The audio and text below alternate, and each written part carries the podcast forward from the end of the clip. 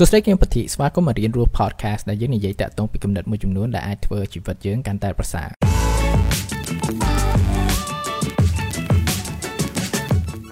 នៅក្នុងសង្គមសពថ្ងៃនេះគឺតែងតែមានគំនិតមួយដែលចែករំលែកច្រើនមែនទែនគឺថាការចេះស្រឡាញ់និងថែរក្សាខ្លួនឯង ហើយនេះគឺជាអ្វីមួយដែលថាយើងគួរធ្វើដែរគឺថាយើងត្រូវចេះថែទាំនិងថែរក្សាខ្លួនឯងត្រូវដំបូងឡើយគឺថាយើងត្រូវចេះស្រឡាញ់ខ្លួនឯងសិនប៉ុន្តែសប្តាហ៍ថ្ងៃនេះគឺថាសង្គមដែលយើងរស់នៅហ្នឹងគឺជាសង្គមមួយដែលផ្អែកទៅលើការ consume មានថាតាក់ទងពីការទិញការជាវសេវាកម្មនិងជាពិសេសការដែលធ្វើអ្វីដែលសบายសบายហ្នឹងហើយដោយសារហេតុនេះហើយយើងតែងតែគិតថាបើយើងស្រឡាញ់ខ្លួនឯងយើងត្រូវទិញនេះយើងត្រូវទិញនោះ យើងត្រូវប្រើសេវាកម្មនេះយើងត្រូវធ្វើអ្វីសុបាយសុបាយបែបនេះហើយនេះគឺជាអ្វីមួយដែលអ្នកលក់និងអ្នកអាជីវកម្មមួយចំនួនណាគឺគេយកមកប្រើមែនតើជាពិសេសគឺក្នុង influencer marketing អីហ្នឹងដែលតែងតែភ្ជាប់ការស្រឡាញ់ខ្លួនឯងនិងការជាវផលិតផលអីមួយដូចឧទាហរណ៍ថា ឆ្នាំនេះអ្នកគួរតែស្រឡាញ់ខ្លួនឯងកាន់តែច្រើនបន្តិចនិយាយនិយាយនិយាយអូខេបើស្រឡាញ់ខ្លួនឯងទិញផលិតផលនេះហើយនេះគឺជាអ្វីមួយដែលថាខ្ញុំគិតមកគឺថាយើងអត់គួរយកអាហ្នឹងមកតភ្ជាប់គ្នាដែលចង្អោប្រាប់មនុស្សម្នាក់ថា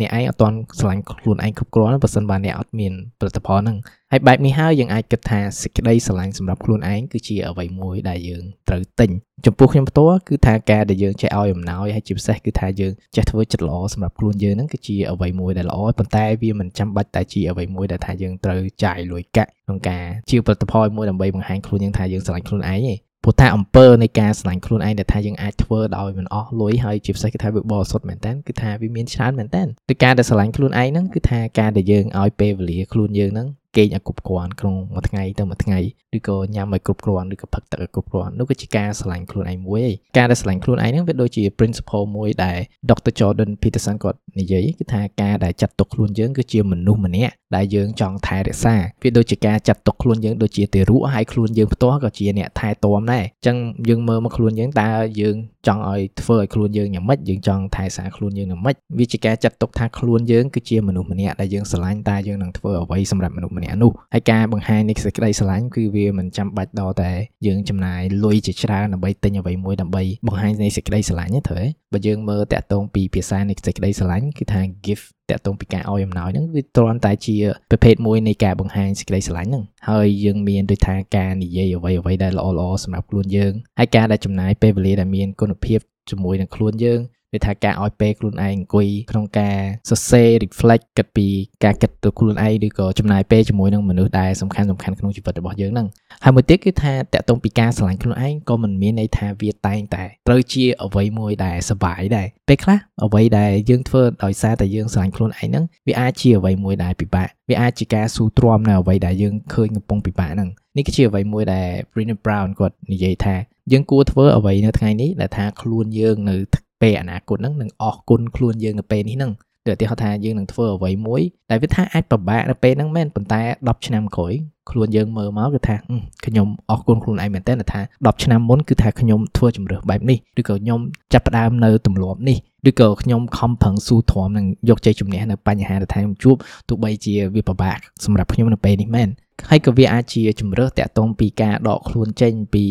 relationship មួយចំនួនដែលថាយើងមើលមកគឺថា toxic សម្រាប់យើងឬក៏ការបោះបង់នៅគោលដៅមួយចំនួនដែលថាអត់មានអត្ថន័យសម្រាប់យើងឬក៏ការផ្លាស់ប្ដូរនៃការហូបចុករបស់យើងសប្តាហ៍ថ្ងៃហ្នឹងហើយទាំងអស់នោះគឺថាមិនមែនជាអ្វីដែលងាយស្រួលទេទាំងអស់នោះវាអាចពិបាកប៉ុន្តែការឆ្លាញ់ខ្លួនឯងហ្នឹងគឺជាការចេះមើលវែងឆ្ងាយយើងចេះមើលទៅមុខទៅទៀតមិនមែនថាយើងធ្វើអ្វីដែលសบายសบายនឹងពេលហ្នឹងប៉ុន្តែ ពី3ថ្ងៃក្រោយយើងស្ដាយក្រោយដូចឧទាហរណ៍ថាយើងដឹងថាខ្លួនយើងយើងចង់ហូបចុកឲ្យកាន់តែល្អដើម្បីធ្វើឲ្យសុខភាពយើងកាន់តែល្អប៉ុន្តែពេលយើងដើរកាត់ហាងការ៉េមិនអញ្ចឹងទៅយើងចង់ញ៉ាំហើយយើងថា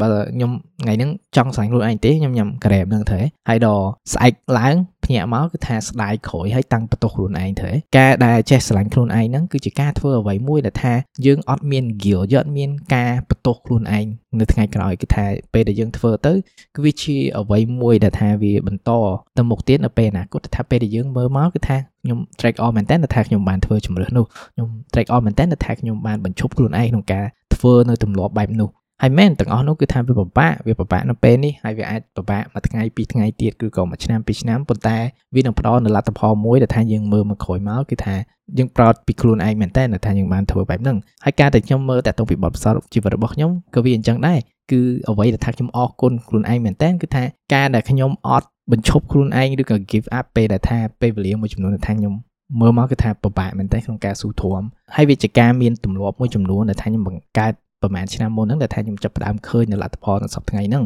ដូចឧទាហរណ៍ថាការអានចុះខ្ញុំខំប្រឹងនៅការអានហ្នឹងរាប់ឆ្នាំដើម្បីឲ្យមានទម្លាប់ហ្នឹងហើយសប្តាហ៍ថ្ងៃនេះគឺថាការអានវាចាប់ផ្ដើមខ្លះជាអ្វីមួយដែលថាវាងាយស្រួលសម្រាប់ខ្ញុំហើយក៏ខ្ញុំឃើញនៅ benefit ជាច្រើនដែរដែលថាវាមានអត្តពលទៅលើអ្វីច្រើនមែនតើនៅក្នុងជីវិតរបស់ខ្ញុំហ្នឹងហើយទាំងអស់នោះគឺជាអ្វីមួយដែលថាពេលដែលខ្ញុំធ្វើខ្ញុំសប្បាយភ្លាមភ្លាមអត់អត់ទេវាមានភាពលំបាកខ្លះដែរ ប៉ុន្តែការដែលខ្ញុំឆ្លងកាត់ទាំងអស់ហ្នឹងគឺថាខ្ញុំចាប់ផ្ដើមឃើញលទ្ធផលហើយវាបង្កើតនៅភាពរីករាយមួយពិតសម្រាប់ខ្លួនខ្ញុំហ្នឹងដែលថាខ្ញុំអត់មាន guilt ខ្ញុំអត់បន្ទោសខ្លួនឯងអត់អីប៉ុន្តែមានអារម្មណ៍ថាខ្ញុំ track all ហើយជាមួយនឹង grateful ចំពោះខ្លួនឯងមែនតើហើយនេះគឺជាការស្រឡាញ់ខ្លួនឯងមួយចឹងយើងត្រូវគិតឡើងវិញតាក់ទងពីការស្រឡាញ់ខ្លួនឯងវាមិនចាំបាច់ដល់តែយើងទិញនឹងធ្វើអ្វីសបាយសបាយទាំងអស់ហើយយើងនៅតែអាចបន្តនៅឲ្យអំណោយបែបហ្នឹងនៅខ្លួនយើងប៉ុន្តែយើងចាប់ផ្ដើមគិតមើលឡើងវិញ តែនេះមិនទេគឺជាសេចក្តីស្រឡាញ់ពិតសម្រាប់ខ្លួនយើងហ្នឹងអ្វីដែលថាខ្ញុំចង់ដាក់នៅទីនេះគឺថាប៉ះសិនបើយើងស្រឡាញ់ហើយនឹងចង់ថែរក្សាខ្លួនឯងពិតមែនណា